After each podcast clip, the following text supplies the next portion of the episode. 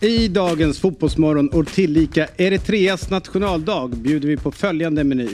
Den före detta SM-guldvinnaren Andreas Yngvesson om tomrummet efter avslutad karriär. Domarna har varit i fokus under våren och många har fått utstå hot. Vi pratar med domarbasen Stefan Johannesson om hur skyddsarbetet mot domarna i svensk fotboll ser ut och hör hans tankar om VAR. Och vi har återigen med oss svensk fotbolls enda 70-talist, Stojan Lukic. Idag tillsammans med mig, David Fjell, Per Frykenbrandt, Julia Ekholm och Myggan. Väl mött!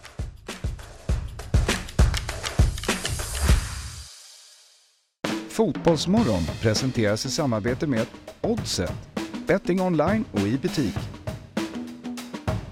Telia, samla sporten på ett ställe och få bättre pris.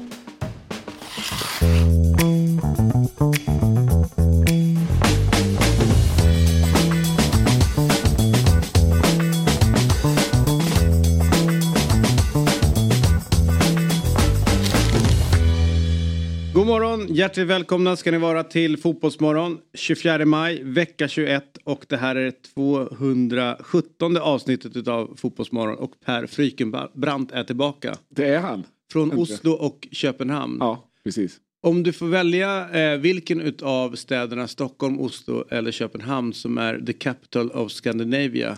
Stockholm. Tackar. Mm. Då kan vi gå vidare. Ja. men- Igår i Oslo sprang jag dock in i Erna Solberg. Ja, det är stort. Ja, det var väldigt stort. Ja, men hon är ju inte statsminister Nej, längre. så det var inte så stort. Nej. Nej, det Hon var har större varit för för typ några år sedan. år sedan. Ja. Exakt, då har det varit stort Ja, men jag är ganska sent på saker. Ja, Eh, från Värmland. Exakt, Ja, exakt. så är det ju. Eh, och eh, idag också, får säga, det är väl eh, första gången i Fotbollsmorgon men gör comeback på Dobb. Julia, Ja, välkommen hit. tack Kul. snälla. Så kul att vara här. Ja, du, jag har ju tjatat ganska länge på dig. Ja, Typ innan vi ens drog igång programmet så sa jag, jag har en grej ja, som du ska vara med på. ja. Och Så du jag bara, tänkte att- absolut. Jag var absolut, hör av dig när, när du vet mer liksom. Och Mm. sen så gick det ett tag och så var jag så här, ja men hallå. Ja, eller så var du så här, nej men eh, du, du kan höra av dig senare. Vi hörs efter 216 avsnitt. Ja, exakt. Då, Jag- jag vill först se lite vad det, Ja. vad det är för någonting. Ja, Det jag- klassiska ring inte mig, jag ringer dig fick man där i början. Ja. Lite så. Men välkommen. Skitkul. Tack snälla. Så du, nu är det tänkt att du bara ska rulla på här. Det är Ja. kul. Du, idag har vi ett väldigt spännande avsnitt att se fram emot. Eh, det är lite, lite karriärsbyte som kommer vara i fokus. Eh, vi har ju med oss Julia såklart. Eh, som eh, jag kommer ihåg att jag blev ju väldigt förvånad när jag läste tidningen att du gav upp din fotbollskarriär. Var ju sjukt lovande och duktig i och var ju som spelade i ungdomslandslagen och sen så bara nej, out. Eh, och sen så eh, har vi med oss eh, Andreas Yngvesson som sadlade om efter en eh, framgångsrik karriär. Men också lite stök när lampor släcks. Eh, och sen så är det ju eh, Stefan Johannesson som blev herre på täppan. Alltså när hans domarkarriär var över så blev han en domarbas. Just det. Men han bytte ju också en karriär. Mm. Och sen så har vi med oss Stojan Lukic. Som aldrig aldrig slutar. karriär. som aldrig slutar. Ja, det är bra. Vi måste ha den sidan Ja. också. Det roliga med Stojan Lukic är ju, och jag, det, det tål att understryka, det är den sista Ja. personen född på 70-talet som fortfarande spelar i Allsvenskan. Det är bra jobbat. Det är snart guldklocka på honom. Ja, men det borde ju vara det och han räddade en straff Ja. förra omgången. Och vet du vem som slog den? Eh, eh, Leach. Yes, Ja. Samuel Lidsholm Ja. missade straffen. Mm. Det gör ju att det är dubbelt bra. Dels att Soran räddar straffen och att man kan reta Samuel när han kommer hit. Ja, det, det ska vi tacka honom för. Mm. Eh, men eh, jag tänkte nästan ta nästa punkt tills Myggan kommer. Mm. Därför att han är ju, eh, ska man säga, du vet när det, eh, det finns ju folk som, ja, här, relationen Sverige-Finland. Mm. Så är jag från Sverige och han är från Finland i vår relation. mm. Därför att han är från Etiopien och jag är Ah. från Eritrea. Ja. Och idag är det Eritreas nationaldag. Wow. Ja. wow. Wow, Yes, det är stor dag. Men stort. det måste ju betyda att eh, Eritrea fyller 30 år idag. Ehm, ja, jag hoppas att vi fyller äldre. Mer än så, men kör på. Ja, men alltså sen bildad av liksom nuvarande skicket. Ja, alltså, är det inte 93 som är liksom... Eh, Där, där det var, eh, kriget som började typ på 70-talet höll på fram till eh, Ja. 90-talet. Ja. Men jag hävdar att vi är äldre än så. ja, all right. Mm. All right. Ja. Är, det det, är det det som bråket handlar om? Nej. Nej, det är väl mer att eh, jag tycker att de kommer med, med krig och hat och vi kommer med fred och kärlek. Ja, ja. Sen har vi vissa problem att, att lösa också. Det vet jag. Men, eh, Det, men, men det, gillar det ju, behöver vi inte ta upp. nej, Eh, stökigt, eh, vi stökigt fängslar folk och så vidare. precis. Men det är Eritrea, ett annat program vi, Ja. vi ska ta det i. det är väl ett av länderna som aldrig har testat på val. Nej, det är ju... Jag gillar det, jag Ja. gillar den övertygelsen. Att säga, inte ens testa på det och bara nej det här gör vi inte igen. Utan säga nej, vi ska inte utforska den vägen. Jag gillar det. Nej, jag fattar. Jag fattar. Men eh, jag tror att eh, hacka lite på myggan idag. Ja absolut, Mm. det är mer än vanligt ska vi göra. Hur går eh, nationalsången? Är den med på Spotify-listan den här veckan? Ja, den borde ju vara med i sport. Den, den är inte lika... Alltså det är det som är så stökigt i många länder på den afrikanska kontinenten. Att det blir ju marschaktiga låtar. ja, ja. Det är ju liksom inte samma... Mäktigt dock. Ja, mm, både och. Det är inte lika vackert som till exempel God Save the King. Nej, nej. Den är fin. Den är, den är otroligt fin. Ja, Den måste väl vara i topp om ni skulle ranka, ja jag tycker ju det. eller? Jo, eh, den är för mig den bästa. Sen det vet jag att det är många som hänfaller till att tycka att den franska nationalsången... Ja, Marseljäsen bruk, det känns som att det är en eh, liksom, publikfavorit. Mm, Men då vet man ingenting. nej. Eh, I hockeysammanhang så eh, finns det ju en, eh, en nationalsång som man inte längre kan tycka om. Som var rätt mäktig. Ja, absolut. Men som man måste tycka illa om nu. ja. Och då seglar ju O Canada upp. Mm, mm. Absolut. Det, är för att den är lätt att kunna refrängen. Ja. Det är liksom bara Oh Canada. Någonting mer Ja. sen. Ja, Ja. och du tapp, du, din tonträff var dålig. Var det det? Jag, jag, jag, tror, jag tror ändå att jag, jag vill ändå hävda att jag satte den. Jag tror Nej, att den är, Julia är chockad. Hon undrar vad det var för något. Jag är helt chockad. Jag är bara glad att jag inte hade, har en sån här mick framför mig när jag sjöng i nationalsången. ja.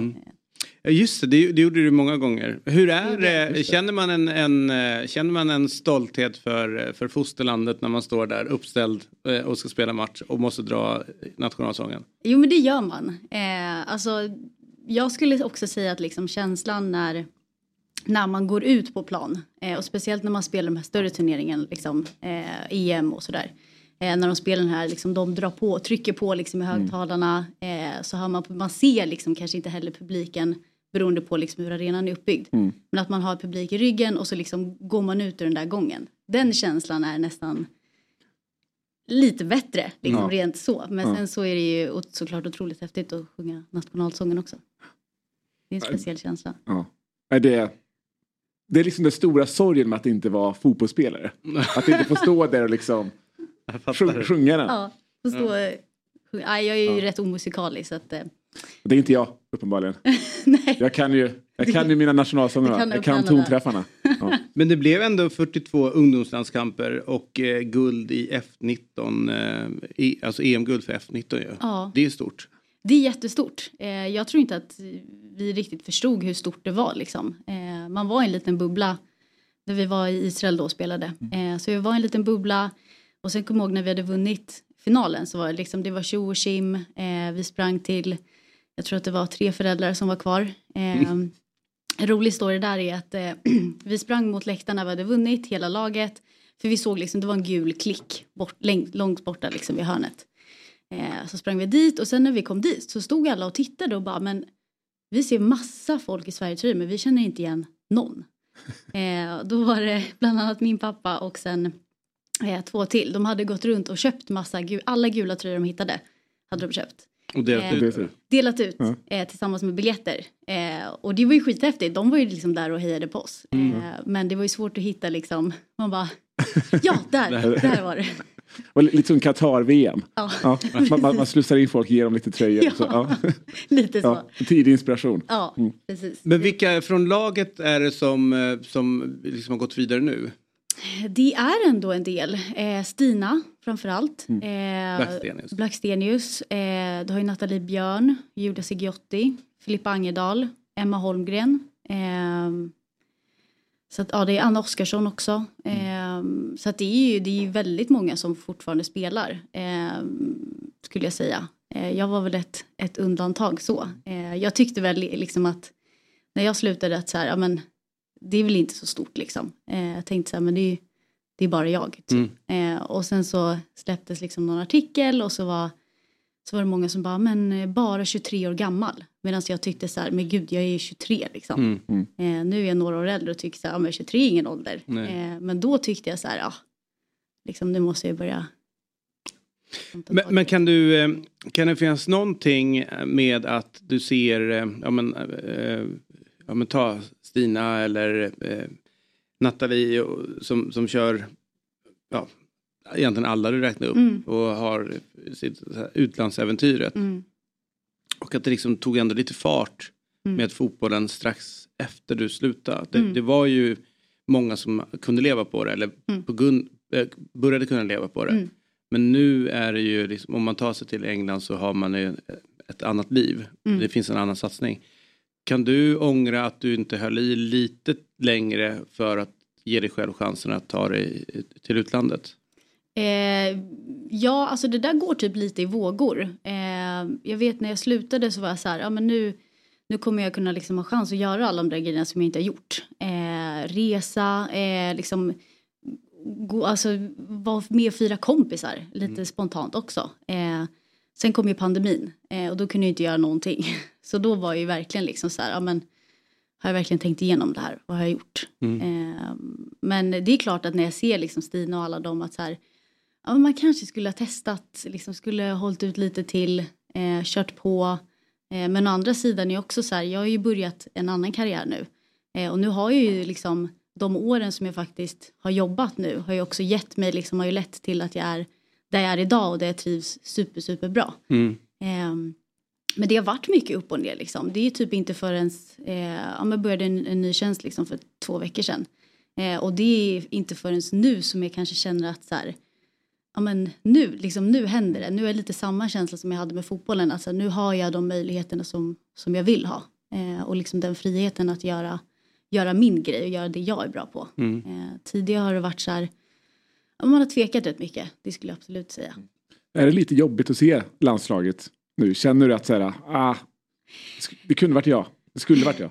Det, ja, alltså absolut. Det, det är klart. Samtidigt så är jag så, liksom, jag är så glad och eh, också stolt över de som liksom, har gjort sån karriär. Och så här, det är inte bara, alltså, även om jag hade fortsatt i några år, det är inga garantier för att jag skulle ha varit där de har varit heller. Mm. Eh, så att liksom, man kan ju inte tänka att så här, ja, men några år till så hade jag också varit där. Utan det är liksom, jag vet ju hur hårt slit det är. Eh, jag liksom har ju, snackar ju med dem också så här, att det är inte bara rakt uppåt heller. Många har ju haft lite så här bakslag, det kan vara skador, man kom, eller vissa har ju kommit till klubbar som är såhär, nej men det här passade inte. Eh, så att det är en tuff väg dit också. Mm. Eh, men det är väl klart att så här, jag var ju på jag var på någon landslagsmatch när de körde på eh, Friends mm. Eh, och var där med mitt dåvarande jobb. Eh, och kände så här, oh, det hade varit nice att spela då. Mm. mm. Eh, men det är också så här, sommardag, perfekt liksom så här, fotbollskväll. Liksom. De, som, de som vet, de vet liksom, mm. när det är sådana kvällar. Eh, så då var jag lite så här, ah, det hade varit kul. Ska du gratta mitt, land, mitt födelseland på eh, nationaldagen idag eller? Nej men det är inte Etiopiens idag. En... Nej, men jag är inte född i Etiopien. Ja, men det är väl inte, det är inte ett land. Alltså, Ja visst, sure. Det är ja. som det här du, Östersund. Du märkte, du märkte attacken ja, det är som när han eh, i Östersund står där och skriker ut sin republik. Det är gulligt. Ja. Kolla, du märker hetsen Det är just den här Shore. Du fick ju aldrig ett, ett grattis. Nej. Du fick ett Shore. Men Shore ja, vi kör, vi kör ett, ett stort grattis på nationaldagen. Du ser. Det här har man. Det här är en vän till mig. Ja, ja. Snacka om att inte backa mig för fem år. Nej, nej, det är hemskt alltså. Nej, Myggan är inne här mm. och börjar med att eh, eh, sparka på mig. Eh, men han är trots allt Sveriges enda och bästa spelexpert. Mm. Den mäktigaste vi har där ute. Och eh, det är dags för vad då idag i spelväg? Idag är trippel. Uff. Ja. Ge oss facit Myggan. Facit. Brighton City. Lite rörigt här då. Båda lagen gör mål och inte oavgjort. Mm. Mm. Mm. Jag tror att ett av lagen kommer vinna lite, alltså med två bollar. Men jag vet inte vilket av lagen det blir. Brighton är lite oförutsägbara. Ja, men jag tror det kan bli 3 till Brighton. Kul. Det känns rimligt. Sen har vi Elche, Sevilla. Elche är ju ute. Ja. Har varit ett bra tag, men fått lite bättre form trots det. Men Sevilla har lite häng på Europaplatserna så jag tror de vinner. Jag tycker 1,89 var väldigt schysst på ett rakt odds. Så tajt och lite målsnålt men de kommer vinna. Och sen sista matchen, samma grej där. Espanyol kommer åka ut. De är mycket, mycket sämre. Madrid vill komma tvåa. 2.34 är ett kanonodds. De gjorde en jättebra match i söndags, Atletico. Och eh, de kommer köra över dem ikväll tror jag. Och sparka ut dem i ligan. Ja, och det hoppas man efter att Espanyol inte kunde bete sig när Barcelona Nej, tog eh, titeln. Alltså, det är ingenting man saknar. Nej. Nej, bort med dem. Kanske för att Sanne Åslund spelade där en gång i tiden. Martins farsa. Ja. Han var i Espanyol. Reaching. Eh, Ja, man måste hitta Ja, någonting. Ja. Och sen så är det då Atletico de Madrid de möter. Precis så. Inte bara Precis så. Madrid. Sorry. Men 2.34 på dem, det känns ju... Ja det känns jättebra. Ja. Eh, Espanyol gjorde en rätt bra match i helgen nu emellan Mm. den här Barcelona-slumpen. Så jag tror därför det har gått upp lite grann. Men med det sagt så tror jag att det blir eh, storstryk idag. Mm. Så att eh, om ni håller med handen så blir det 9 och 11. Du kanske kan berätta vad det innebär på ICA. Det innebär att jag köper min korvstroganoff för eh, 69 kronor och 95 öre. Ja, men då har du ju mycket att leka för. Ja, Nästan en och en halv eh, stroganoff här. Nej, jag har råd med en kombucha. Och det kan kombuchan som Ja. Men får du en, får du en för, för 29 spänn? Ja. 21 spänn? Ja, men de har, no, jo, de, har, 22. de hade nu i veckan hade de lite extra pris på några. Ja, vilken tur. Känns som kombucha jobbar mot 30, 30 spänn. 30 va? spänn alltid. Ja, Ja, liter. ja, exakt. Det kostar att ha bra mag... mag Ja, visst. Ja. Men magen eh, skrattar ju hela, hela dagen efter det. aning, jag, jag lider inte av sån här... äh, din problematik. Nej, men jag, alltså, det, det är bara en känsla. Ja. Jag, jag, det är placebo. Alltså, du jag, har väl en sån äh, allergi nej, nej, nej, nej, nej, nej, Alltså, nej, nej. Ja, att du liksom, Det är laktos. Ja, laktos. Det är en grej. och Laktos. Ja, men laktos. Nej, nej. Resten. rö- Röda stenfrukter och så. Ja, nej, nej, nej. Du har faktiskt en matallergi-aura. Ja, så, väldigt så. ja, laktos fixar jag inte. Ja, ja. Ja, men där nöt liksom. Nej, Myggan. Ja, Ja. precis så. Precis så. Jobbig på flygplan. Eh, Ingen nötter, vi har en kille på tre. Han är det tre. Så det roligt under fotbolls-VM eh, så var det ju, jag kommer inte ihåg om det var norsk eller svensk som gick på och bad, eh, det här är Brasilien, som säger så här, ja, jag har nötallergi eller sagt till innan så att det, det vore bra om ni inte öppnar några jordnötspåsar i, på flyget. Och då var ropade de ut det liksom så här, ja det är tydligen någon som är allergisk mot eh, nötter. Så att det vore bra om ni inte öppnade pås, eller rätt så här, nötter.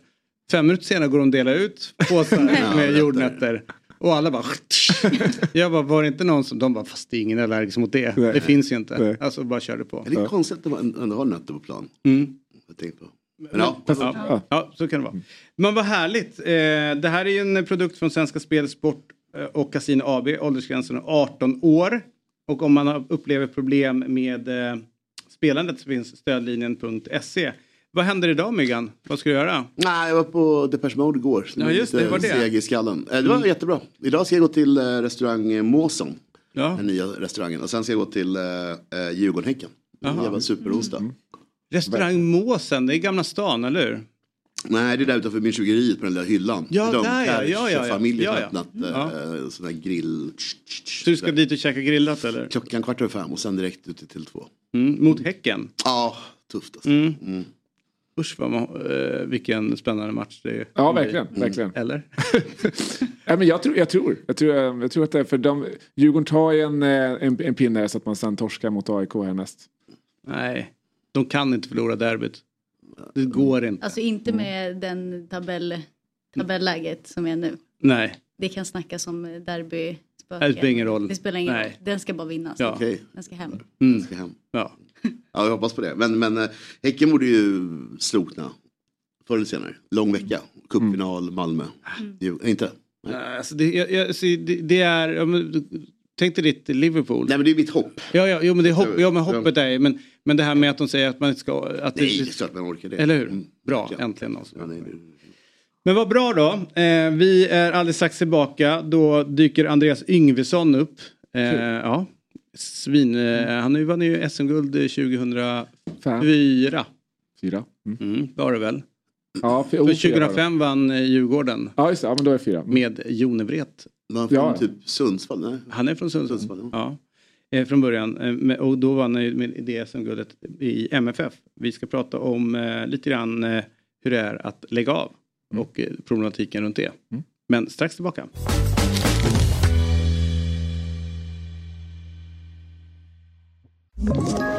Ett poddtips från Podplay.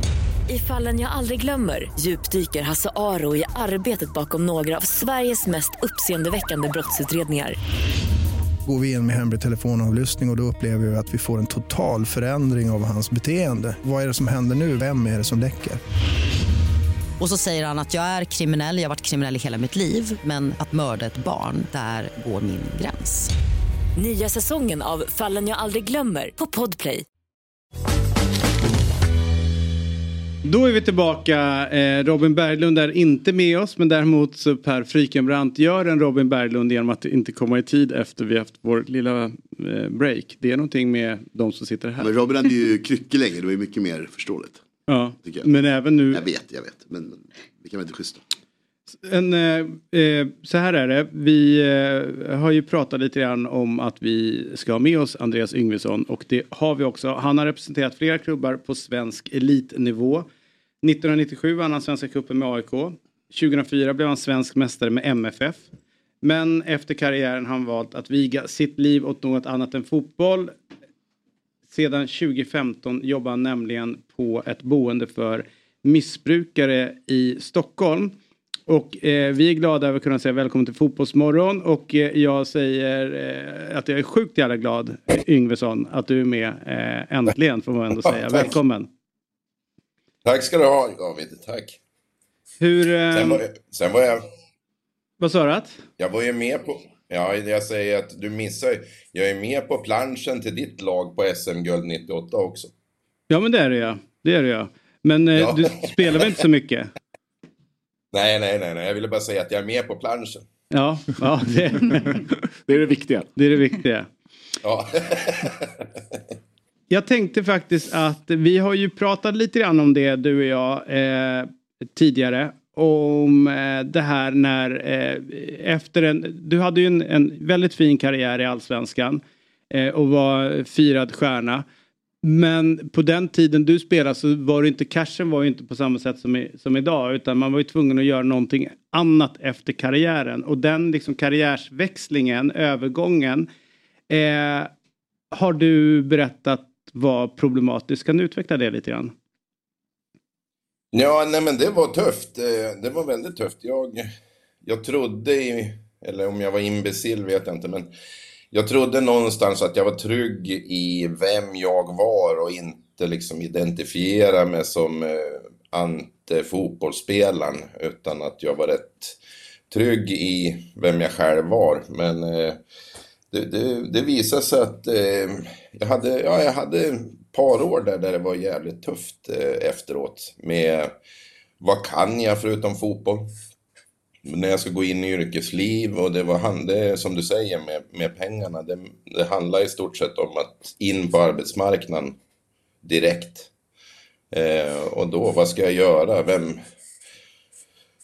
vilket håll ska jag gå? Vad kan jag? Om någon frågar, jag kan fotboll, men det är inte så många som har nytta av det. Så det, det, var, det var några år där som var väldigt eh, tuffa. Så att det, det slutade med att jag sålde bilen och drog eh, jorden runt för att försöka att komma, vad ska man säga, ja, hitta mig själv, vara var tillsammans bara med mig själv och försöka att med, landa i något.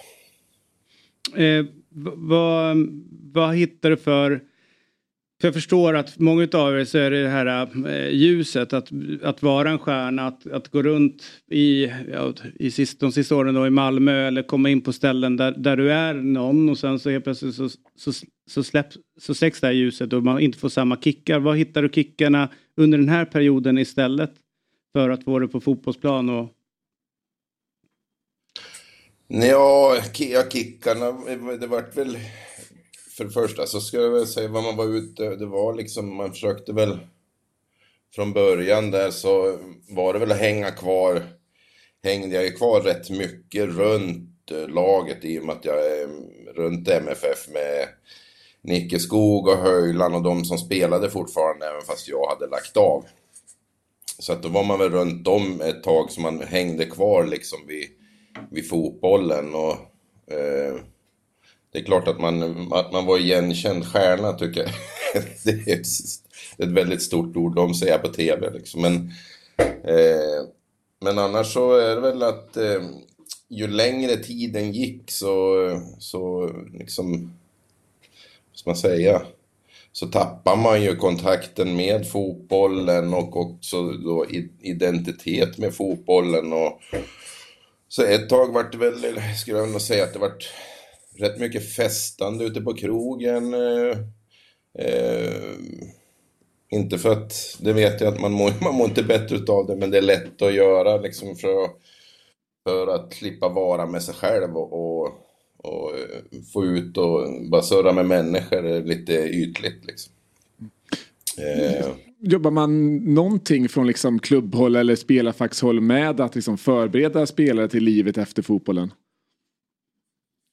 Eh, det hoppas jag att de börjar med, men det var, in, var ingenting då som, eh, som gjordes. Eh, mm. Det var det inte, utan jag själv fick, gick ju till eh, eh, en eh, psykolog mm. och försökte hitta vad det var som berodde på att jag bara var, mådde dåligt, apatisk och så vidare.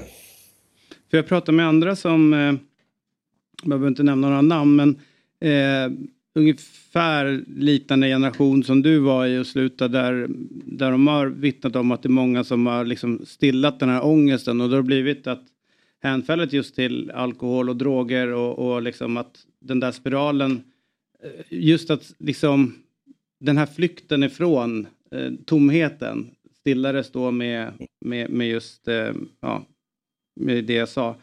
Hur, eh, hur var det för dig när vad gäller det? Nej, det var väl att, eh, nej men det var ju mycket ute på krogen och, och eh, det är klart att eh, man drack bira, det var, jag utbildade mig till sommelier och det vart mycket, det vart mycket vin och, och, men framförallt så var det mycket krogen och, och alkohol. Sen så när jag kom upp till jobbet hit, då eh, fattade jag, för jag gick ju på det, smärtstillande gick jag på sist. Alltså jag hade problem med mina hälsenor, det var egentligen därför jag la av. Och i nio år så åt jag, vad ska vi säga, typ eh, en, en form av smärtstillande som är som sitt, om ni vet vad Citadon är. Mm. Eh, man kan få efter operationer och så vidare. Så att jag åt ju två, eh, två sådana, det var ju istället för, ja, jag behöver inte gå så djupt in på vad det är, men eh, med, med två sådana smärtstillande inför varje träning, inför varje match eh, i nio år. Och eh, det fanns ju en sån här varningstriangel, men jag kan inte påstå att klubbarna och läkarna var liksom några, så det var ingen som sa till mig att nej, nej, eller inte skrev ut. Utan det är ju vanebildande, så att det är beroendeframkallande. Men som spelare så vill man spela, där behöver man kanske lite hjälp. Inte för att jag ska skylla ifrån mig, men man kan ju behöva hjälp att du, nej men nu bromsar vi. Nu måste hälsenorna klara av att spela utan liksom smärtstillande. Men det åt jag i nio år. Eh, jag kan tänka mig när vi tränar två dagar i veck eller två, två gånger om dagen. Och så kör vi 10-12 pass i veckan. I några månader. Så det åt jag i nio år. Men jag la ju av med det direkt när jag slutade med fotbollen, för då behövde jag inte. Så det har jag kopplat till min eh, psykiska ohälsa de, de två direkta åren efter fotbollen som jag, det kopplade jag till att jag saknar killarna, jag saknar sporten, jag saknar strålkastarna. Men det, det var nog den största anledningen har jag fattat sen jag började jobba med det här. Mm.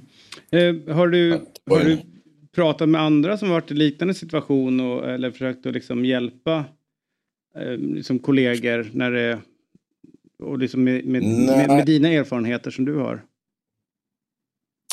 Nej, det kan jag inte påstå, för jag vet inte om jag hade någon bra, bra väg att gå egentligen, utan det var, var ju egentligen tiden som fick göra, göra sitt med mig och, skulle jag säga.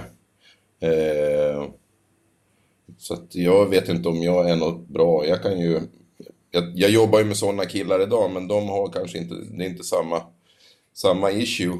Och eh, eh de har inte varit liksom i, i fotbollens värld direkt. Men eh, jag jobbar ju med det idag. Men eh, jag kan inte säga att jag har hjälpt med gamla spelare eller idrottare eller jag har pratat med, med idrottare som har, som har varit i samma situation och så vidare. Men, men de har ju upplevt exakt samma sak. Så att, mm. Det kan jag inte påstå. Jag vet inte om vi hjälper varandra kanske om man pratar eller har hjälpt varandra. Julia, känner du igen någonting i just det här eh, tomrummet? Mm, absolut, alltså det är verkligen liksom från att gå från att så här, ja, men, vara liksom, ja, men, lite som jag var bäst i Sverige på det jag gör.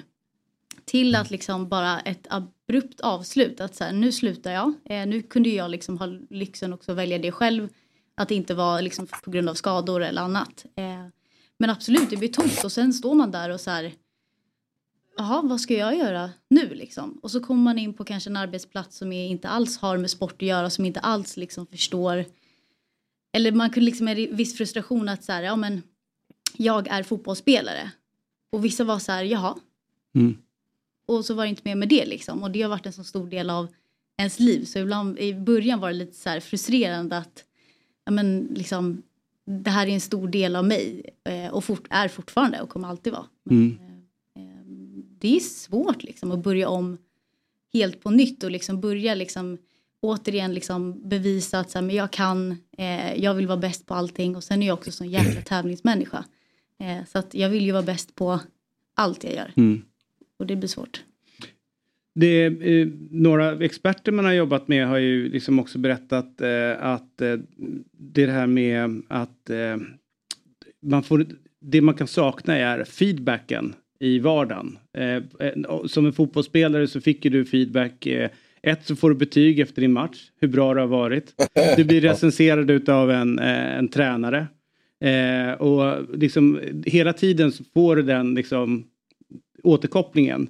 Är det någonting som var svårt att hantera? Att helt plötsligt så rullar det bara på. Det är ingen som kom, kom fram till dig så här. Idag gjorde du bra eller idag gjorde du dåligt. Det här måste du förbättra. Alltså eh, att inte få den. Ja, absolut. Det, det, jag, jag, har, jag har inte tänkt på på det sättet eh, riktigt, utan jag har tänkt på den här direkta feedbacken som du får. Den får du till och med ute på plan. Det, det säger ju en sekund. Mm. Så får du den ifrån din lagkamrat, kollega, tränare, publik. Det kommer ju liksom, du vet själv, nej men det där vad fan, var en indian rätt in liksom. Alltså mm. du, det, det snabba puckarna och de snabba besluten. Allting går ju mycket långsammare i civila livet än vad det gör i elitidrott eller idrott överhuvudtaget. Eh, och där kan man ju sakna och den här rakheten tror jag som finns i den här dynamiken som finns som kan gå till överdrift också absolut i ett omklädningsrum. Men den, den saknar jag och känner att det är någonting som passar mig. Eh, jag kan, har ju upplevt många gånger som eh, att jag går in och tar, alltså jag får feedback lite senare att jag går in, tar över ett rum. Eh, jag kan upplevas burdus, för rak. Så den feedbacken har jag fått, men den kommer ju i så fall ifrån någon som har pratat med min chef om mig. Mm. Och det är inte den feedbacken jag vill ha. Jag vill ha kom till mig. Mm. Det är ju jag som har gjort det. Men, men det får man ju köpa. Det är, alltså civila livet och idrottslivet, det är ju två helt olika saker. Och det kan man ju inte begära att arbetsplatser där det har ett åldersspann på kanske 50 år vissa gånger. Så där kan du inte kräva att ha den typen av diskussioner, eh, jargong. Jargong är också en sån grej där jag har tabbat mig flera gånger. Liksom. där det blir, mm. alltså, Eh, men det, det tog så att det tar ett tag. Man åker på några brännor liksom i, som eh, var onormala för mig. Nu har, jag, nu har man ju landat och nu är det så pass lång tid. Eh, liksom till, till, den, tillbaka till den tiden. Men eh, så nu har man ju landat i ett, så att jag, jag, kan ju fatta liksom att i början där, fan de måste ju trott att jag var dum i huvudet liksom. Vissa utav kollegorna. Mm. Helt fel kanske man inte var ute där men. Eh, eh, du, eh, vi är oerhört glada över att du var med. Jag vet att du är ju, eh, eh, du gillar musik och vi håller på med en ja. Eh, playlist. Så att okay. du, känn pressen nu att från en musikkonnässör bidra med kanske det vassaste utav bidragen in på vår playlist. Du får välja vilken låt du vill som du tycker ska vara med på våran spellista. Okej. Okay. Då får det väl handla om det här med ger folk hopp då, så att det får bli Thunder Road med eh, Springsteen. Härligt, där fick vi in den. Var den okej? Okay? Var den något godkänd eller? Det är godkänt. Ja. Eh, Mattias Bjärsbyr tog ju Cotton Eye Joe, Rednecks där. och, eh, så det är på något som bottenplattan på alla, alla val. Ja, den, den hade han fan kunnat gjort bättre. Screen door slams, Mary's dress waves Like a vision she dances across the porch as the radio plays Nu är, har vi med oss en herre som har eh, dömt flest matcher i Allsvenskan med över 300 matcher. Dessutom över 150 internationella matcher med två EM och medverkan i Europa League-final 2016 på CV. Numera är han domarbas på SVFF. Vi hälsar god morgon och hjärtligt välkommen till Fotbollsmorgon, Stefan Johannesson. Hur är läget? Det är bara bra, tack så mycket. Du, eh, apropå det eh, som vi pratade med Yngvesson om, hur det är när eh, lamporna släcks. Hur, hur, är det för dig eller som en domare? Ni är ju verkligen, och i synnerhet i ditt fall, på de största scenerna, på de största eh, arenorna, bland de bästa spelarna och får den kicken och när man slutar så har man inte det längre. Hur, hur var den övergången? Äh, för mig personligen så var den eh, väldigt smidig men det berodde väl på att jag fick sluta på mina premisser liksom. Jag var tillräckligt gammal också och insåg att det är bättre att sluta nu än att någon ber mig att sluta. Så att, Eh, men jag kan förstå, alltså det är själva identiteten som man, man tappar. Alltså vem är jag utan att domaren liksom? Det, alla kallar mig domaren så att eh, det är väl, väl den man får ta, ta tag i liksom. Men sen började jag på förbundet direkt och jobba med domarna istället så jag kom in i det ganska snabbt. Men du kan inte sakna det, alltså om det är en ja, men, eh, stormatch i allsvenskan eller en derbymatch. Att liksom känna den, eh, den, den kicken att kliva in där och veta att nu hänger det på mig. Du har inga jävla hjälpmedel utan det är du som du ska lösa det här. Jo men, jo, men det är det som är grejen. Just det där när man går in på plan och man har fullsatt Friends eller vad det nu är. Så det är klart man saknar den kicken, absolut. Du, låt oss eh, flytta eh, blickarna åt ett annat håll. Så bör vi prata lite grann om eh, eh, domarna och domarnas situation. Och jag har hört från fler och fler håll att eh, hoten mot domarna är högst påtagliga just nu och det är många som får eh, ja men de blir skyddade. Hur vanligt är det, det här? Eh, alltså, och hur länge har det pågått? Nej, men alltså. Det, det beror på grader, alltså det, det, finns ju grader i det hela. Det är klart att det, det förekommer hot, men sen så är de mer eller mindre allvarliga. Men vi har ingen domare som lever under skydd i, i, idag, utan det är så pass allvarligt är det inte just, just för tillfället i alla fall. Eh, sen kan det hända att i enskilda matcher där det är upprepade publik som som gör att man väljer alternativa hemvägar eller ja, i värsta fall får flytta en familj eller någonting över natten. Men, men det är inte speciellt. Det, det, jag skulle säga att det, det, är värre längre ner i seriesystemet. För vi har ett väldigt bra system för våra elitdomare med säkerhetschef på förbundet och alla instanser som kopplas in så fort det uppstår någonting som anses bärande eller har en kraft av att här måste vi göra någonting. Ja, det var det jag tänkte fråga kring. Vart i seriesystemet är, är värst. Mm, och det är längre ner. Ja. Hur, får, hur, kan, man, hur kan man skydda dem? Ja, alltså där är det svårare. förbundet, eller nu, nu pratar vi Stockholms fotbollsförbund istället, och i, i sådana problemfyllda matcher där man vet att det är en miljö som är väldigt intensiv så, så skickar de ju ut eh, observatörer eller delegater som ska kolla och se till att det, att det funkar. Men alltså, skydda dem, det är egentligen att lära alla hur man beter sig. Det, det är lättare sagt än gjort. Det, det är liksom kutymer som vi försöker ändra på det är att det startar ju på toppen någonstans och, och accepterar man ett beteende på, på toppen av, då pratar jag om föreningen, då kommer den genomsyra hela föreningen och sen så blir det en ursäkt för att de som kanske inte har spärrar som vi andra har, går över gränsen. Är, är det stor skillnad i hotbilden mot, mot kvinnliga domare och versus manliga domare? Nej, jag skulle säga att den är ganska li, eller eftersom männen är så överrepresenterade inom domaryrket så, så är det ju såklart mer män som, som uppfattar det som hot. Men, eh, men procentuellt sett om man bara ser killar och tjejer så är det ganska lika.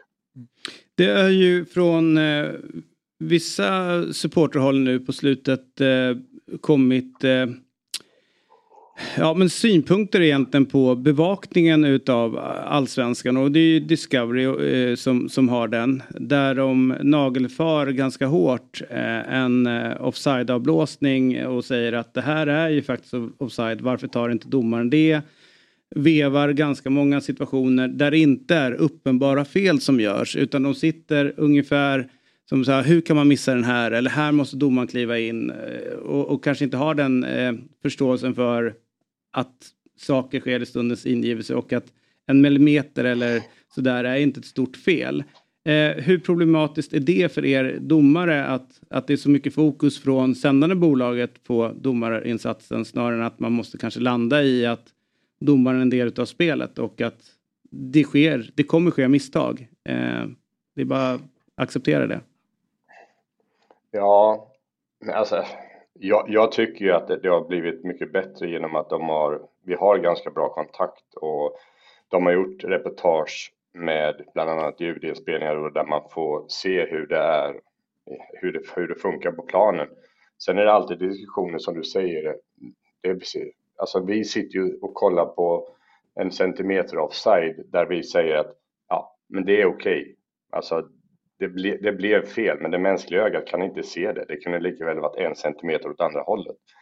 Och då, där tycker jag väl att man kan, man kan ta, man kan bara säga att ja, men det här är ju faktiskt ett fel vi får leva med om, eh, om vi inte, inte inför det som finns då. Mm, var alltså? Ja, mm. ja, vi hamnar ju där om man ska prata sådana centimetrar. Mm. Hur, hur, ser du på att eh, svensk, eh, de som äger svenska fotbollsklubbarna, eh, alltså medlemmarna, röstar emot VAR eh, och eh, ni vill ha, alltså den här intressekonflikten som ändå blir? Ja, men det, den blir lite skruvad eh, tycker jag, diskussionen för att det, det är liksom Visst, domarna vill ha det för det är ett hjälpmedel i vårt jobb. Vem vill inte ha ett hjälpmedel som kan göra ditt jobb lättare och bättre eh, i, i vilket yrke det än är? Men nu är det ju så att fotbollsvärlden eller fotbollsfamiljen världen runt har bestämt att vi ska ha VAR och då tycker jag det är frågan är varför vi ska stå utanför det. Det, det är liksom jag förstår den, den känslomässiga hos, ett, hos fansen äh, med det här med målfirande och allting, så jag förstår hela den grejen. Men jag tycker vi har kommit förbi den diskussionen. Utan alla, både Uefa och Fifa har sagt att det, det är det som gäller fram, fram, i framtiden och alla länder har adapt, att, vad säger man, anpassat sig efter det. Det, det är ett få, fåtal länder kvar och de tillhör vi tyvärr. Eh, hur tycker du att implementeringen av VAR fungerar? Ja, men alltså det, det är barnsjukdomar i varje land om man säger. De som börjar med det kommer vara första året kommer vara det tar lite längre tid, det blir det är svårare att ställa in det. Men sen om man tittar på de länder som genomfört det år två och tre så blir det mycket bättre. Och eh, sen är det liksom ingen, ingen fråga för, för fansen om man, om man pratar. Jag pratar med mina kollegor som bland annat i Italien och sådär, de går ju ner i serie C nu med bara och där är det liksom ingen, ingen grej längre. Sen, sen förstår jag att vi tittar mycket på ett annat land vars eh, VAR är annorlunda eller det, det, funkar inte riktigt lika bra. Och eftersom vi tittar väldigt mycket på det landet så, så blir det ju en, eh, en källa att hämta information om att det, att det inte funkar som det ska. Du menar England där? Ja. Eh, Anders Torstensson eh, eh vädrade en tanke om att eh, de mindre klubbarna kanske inte har det lika lätt eh, i relation till domarna och dom, domslut som de större. Jag vet att Sonny Karlsson under rätt många år i sin roll som sportchef i Häcken eh, förde samma eh, tankar och, och, och vädrade samma åsikter. Hur ser ni på, eh, på, på det?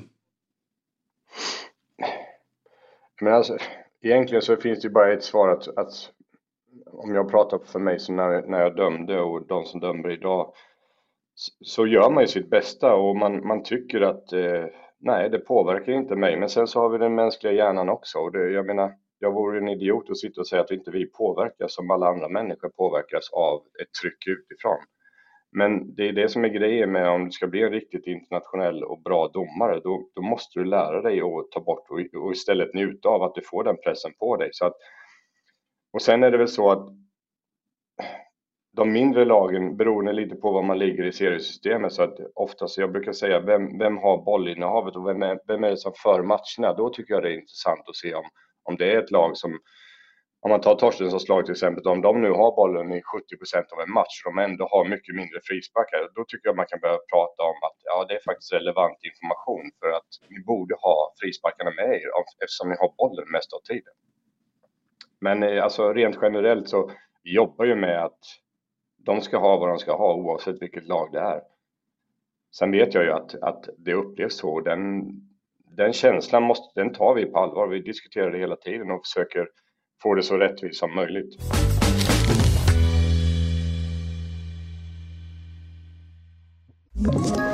Ett poddtips från Podplay. I fallen jag aldrig glömmer djupdyker Hasse Aro i arbetet bakom några av Sveriges mest uppseendeväckande brottsutredningar går vi in med hemlig telefonavlyssning och, och då upplever vi att vi får en total förändring av hans beteende. Vad är det som händer nu? Vem är det som läcker? Och så säger han att jag är kriminell, jag har varit kriminell i hela mitt liv men att mörda ett barn, där går min gräns. Nya säsongen av Fallen jag aldrig glömmer på Podplay. Nu eh, vänder vi blickarna till mannen som aldrig får lägga skorna på hyllan. Eh, i, i, I alla fall inte permanent. För det är jobbigt för dig Myglan och för mig. Det här är den sista 70-talisten i Allsvenskan. Exakt så. Ja, det får inte hända. Då är vi gamla på riktigt. Eh, han, eh, sedan två gånger tillbaka, vaktar ännu en gång målet i Varberg Boys. Eh, och välkommen till Fotbollsmor Fotbollsmorgon, världens sista aktuella 70-talist, Stojan Lukic. Eh, vad härligt att du inte har slutat spela fotboll. Det eh, betyder mycket för oss andra som är födda på 70-talet. Du gör oss jag unga. Jag gör er en tjänst. Ja, du gör verkligen det. eh, och eh, jag blev ju genuint glad när du räddade straffen mot BP. Dels för att det var min vän Samuel Leach som missade den. Men även att eh, vi 70-talister är relevanta även 2023. Ja, härligt att kunna hjälpa i, i eh, i ditt sätt att tänka. Härligt. Ja. Vad, vad är det som gör att du eh, håller i? Ja, men, först och främst, det är jäkligt kul. Eh, och sen eh, att, att jag fortfarande faktiskt håller eh, för att spela i Allsvenskan. Så att, eh, jag har väl ingenting att, att be om ursäkt för utan jag kör på så länge det är kul och så länge jag får spela. Så är det.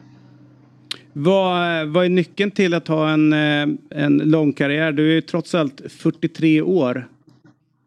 Mm. Alltså det är ju att hålla igång, eh, träna mycket själv vid sidan av fotboll. Eh, kost, sömn, hela den biten.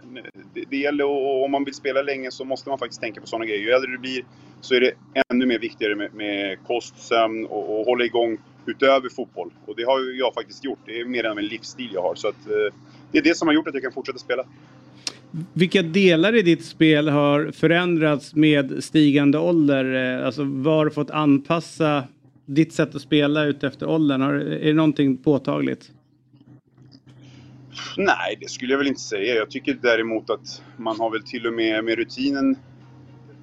Positionsspelet är ju till och med bättre kan jag tycka. Eh, man har ju varit med om en del grejer så många år som man har spelat så att man vet lite mer vad som kommer hända kanske, även om det ibland inte blir så. Men positionsspelet har blivit bättre. Sen, alltså, jag vet faktiskt inte om, om, man, om jag behöver alltså, anpassa så mycket annat i mitt spel. Det tror jag faktiskt inte. Nej. Du, jag måste bara landa lite grann i den här straffen igen med Samuel Lidsholm. Eh, var, var, den lätt, var lättläst? Alltså på riktigt, det är din kompis men den var inte så jävla bra den här straffen. Nej, det var den ja, inte. Men han, han, hade, han hade nog gjort, jag tror, eh, för Jocke sa till mig, han har skjutit två åt höger där. Så att jag kände väl att han, han har gjort två mål. Om det var samma gubbe vet jag ju dock inte. Men han sa i alla fall, de två sista straffarna har gått till höger. Eh, så att jag kände att jag, jag chansade till höger. Och det, den, var, den var faktiskt inte så bra slagen heller om man ska vara helt ärlig.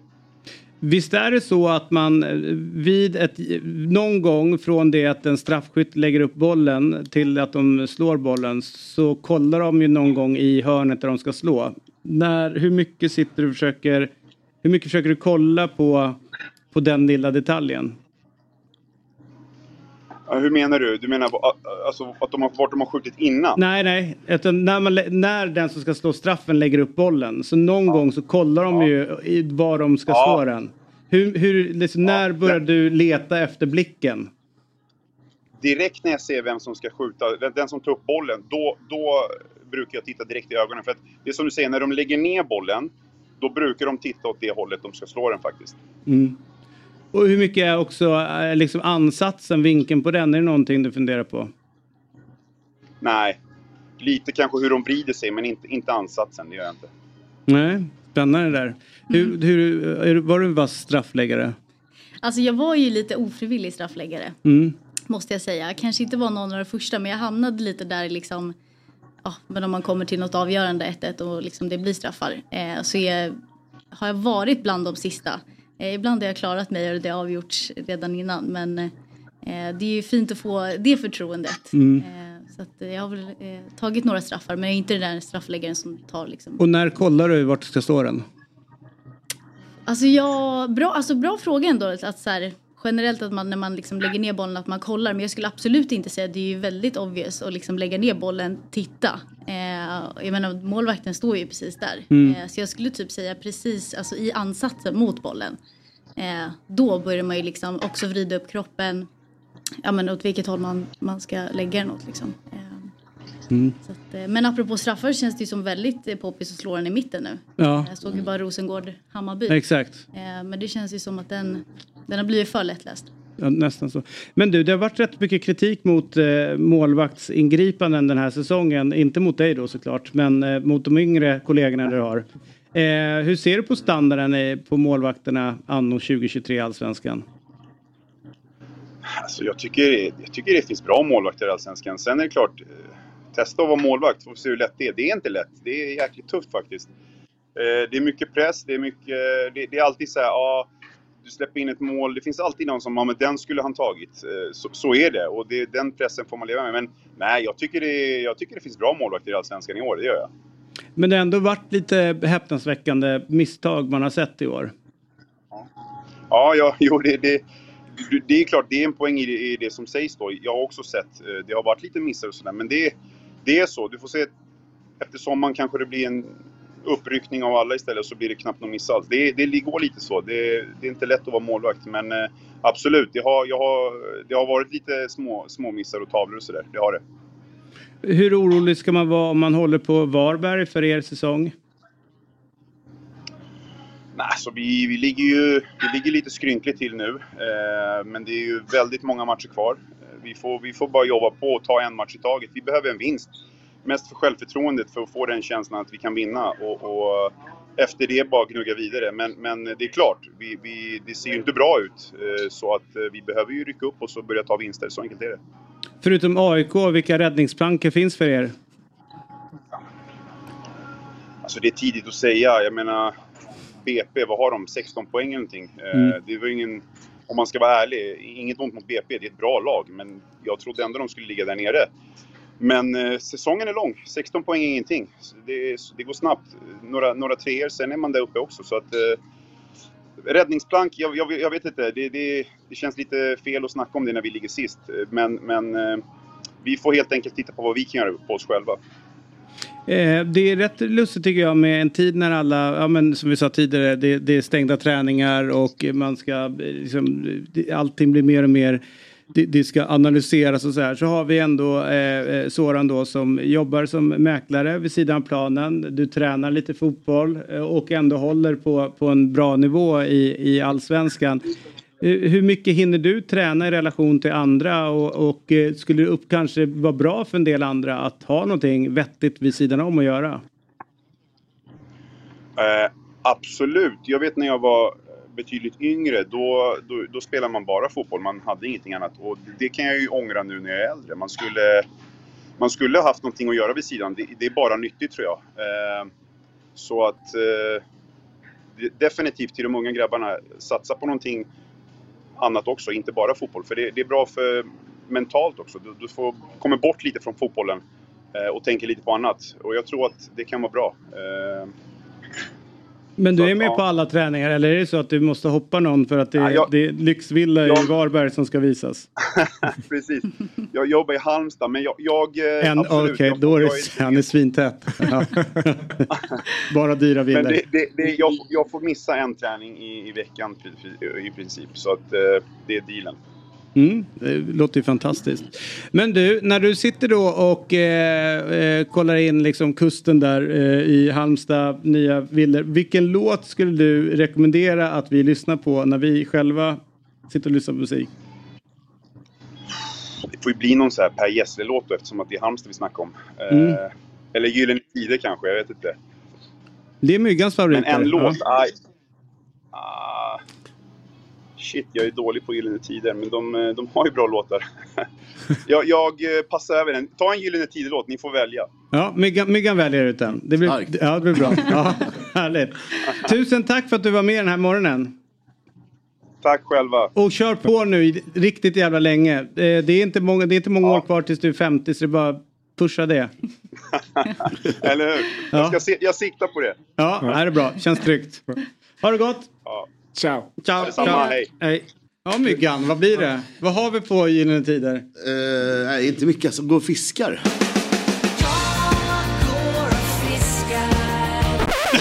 Är det, är det, är det de? Eller är det hans soloprojekt? Nej, jag vet inte, men den är ju brutalt korrig. Ja, men det är väl inte... eh, Det, är ingen, du ger mig inte mycket gött att välja mellan. Nej. Så att, men det är, jag är fel personer tror jag. Vad har ni valt för låtar till listan? Jag har inte valt den, men jag har Va? en som jag skulle ta. Okej. Måste också säga här, om, man inte, om han inte kan nämna en Gyllene Tider-låt då har han ju sålt så- sin nej, sista villa i Halmstad. Ja, Det ja, är Nu, det. nu, nu kan han foka helhjärtat på fotbollen. Eller så är det här. de som sitter inne med cashen som inte riktigt gillar ja. Ja. Gyllene Tider. Finns, ja. Att Per Gessle har gjort någonting stökigt i finområdena. Ja, ja det... Men man läser väl någon sån här 101 Halmstad när man tar det jobbet. Ja. Och då ingår det väl Tre låtar va? ja, men tio timmar lyssning på Tider. tack. Eller hur? Så är man klar med det. Men vad har de för låtar? Det är väl... Eh... Sommartider, Ja, den du är- har eh, Flickorna på TV2. Ah, Eh, du har... Eh, ja, det är det. Ja, men det är inte mitt riktigt go-to-band på Nej. samma sätt som för er andra här. Men, ehm, men, eh, men det blir ju då du, man går och fiskar och det är Soran. Ja, om det är Gyllene Tider. Ja, men jag tror att det är Gessle solo. Eller är det? Som det är, det för- eh, ja, det är fruktansvärd låt. Det är det första jag kom på. Ja, Ja. ja. Så, vi, vi kör på den. Du har en sjuk hjärna. Ja. Ja. Så det blir kul att se vad ni väljer för låtar. Det ser jag fram emot. Ja, men jag kan säga Ja, det är. vi, det vill vi höra. Ja, det är ju LL Cool J, Mamma said knock you out. Det är min... eh, Din go-to. Är det Hagaparken spring-låten? Liksom? Ja, men man springer lite tufft där runt Ja. Haga. ja, precis. Ser någon jävla Säpo-vakt. Ja. Don't call it a Nej, comeback. skicka, skicka fingret bakom ryggen. Exakt. Ja, Julia, vad har du för låt då? Alltså jag har suttit och funderat på det här Mm. typ hela programmet när låten har kommit eh, upp på tal. Och eh, jag är ju så otroligt spridd i min musiksmak. Mm. Eh, men för att vara liksom, lägga en lite modern yngre touch på, Mm. på låtarna då. Så jag tror att det är, det är en låt, den heter Used to eh, och sjungs av, heter han Jordan tror jag? Mhm. Eh, som har varit lite i ropet med den här, eh, just med AI, hela den svängen. Eh, och att det skulle vara en liksom, AI-låt, låter lite som Drake typ. All Men jag är right. inte säker, eh, osäker källa eh, via TikTok. Eh, men den, Där, den där har gått stämmer allt vill jag bara säga. Ja, Mm. det är mycket skit men man, det finns lite Ja, små guldkorn också. Ja, ja. Ja, ja. men allt, mesta, det mesta du ser på TikTok är sant. Det är inga konstigheter. Ja. Har du någon, eller du har kanske redan valt... Eh... Nej, det har jag inte gjort. Eh, sommar och sol, Sven-Ingars. Eh, Oj, oj, oj. eller Torparock, men det blir nog sommar och sol Ja, ja. för nu. Det är riktigt Vad heter den andra? Torparock? Torparock. Ja. Åh, ja, ja. Ja, Åh, men det är ju det, är ju, det, är ju den de har i. Färjestad. Ja, eh, ja, de har börjat med den nu. Ja. Men, och den första du tog är ju eh, som, eh, hur går den då? Eh, sommar, sommar och sol. Den. Havet och vinden och doftar kaprifol. All right. Ja. Jag ska avsluta så jag kan gå och spy. Men, eh, Det här blir bra. ja. Du, eh, borta, eller hemma på Dobb-TV så händer det mycket och det är bara tryck så det står härliga till. Eh, det är, eh, eh, idag är det onsdag, nytt eh, 08 fotboll. Ja, trevligt. Mm. Det ska vi Där sitter på. ju tre stycken väldigt, väldigt nöjda supportrar och pratar fotboll. Ja. Eh, så, så kan det vara. Eh, och eh, sen så eh, på eh, dobb.tv då. Mm. Om man vill. Och sen så är det ju prenumerera nu på Youtube-kanalen därför att eh, Fab- Fabbe ska ju sitta i den här Woody-grejen. Den är väl på ingång? Den är beställd. Ja. Eh, så den är klar. Eh, och eh, imorgon så är Jesper här tillsammans med eh, Niklas Nemi. Och förhoppningsvis då Fabbe. Ja. Ja, det är en eh, trea som inte går av för hacker. Nej, man saknar lite den här veckan. Får jobba nu då, så att det är 20 000 i, idag. Ja, så att han får sitta där. Ja. Tack för den här morgonen och tack, för att du Tack tittade. Hej då. Sommar, sommar och sol. Det är fruktansvärd låt.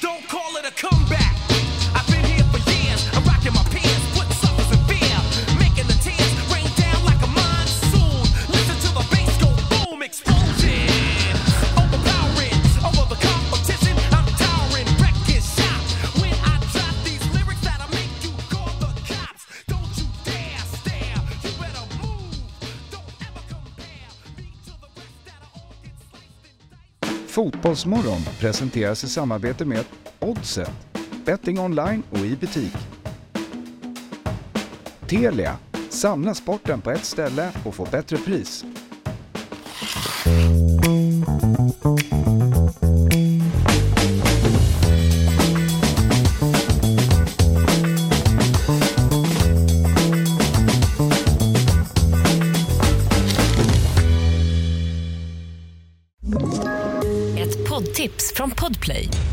Fallen jag aldrig glömmer djupdyker Hasse Aro i arbetet bakom några av Sveriges mest uppseendeväckande brottsutredningar.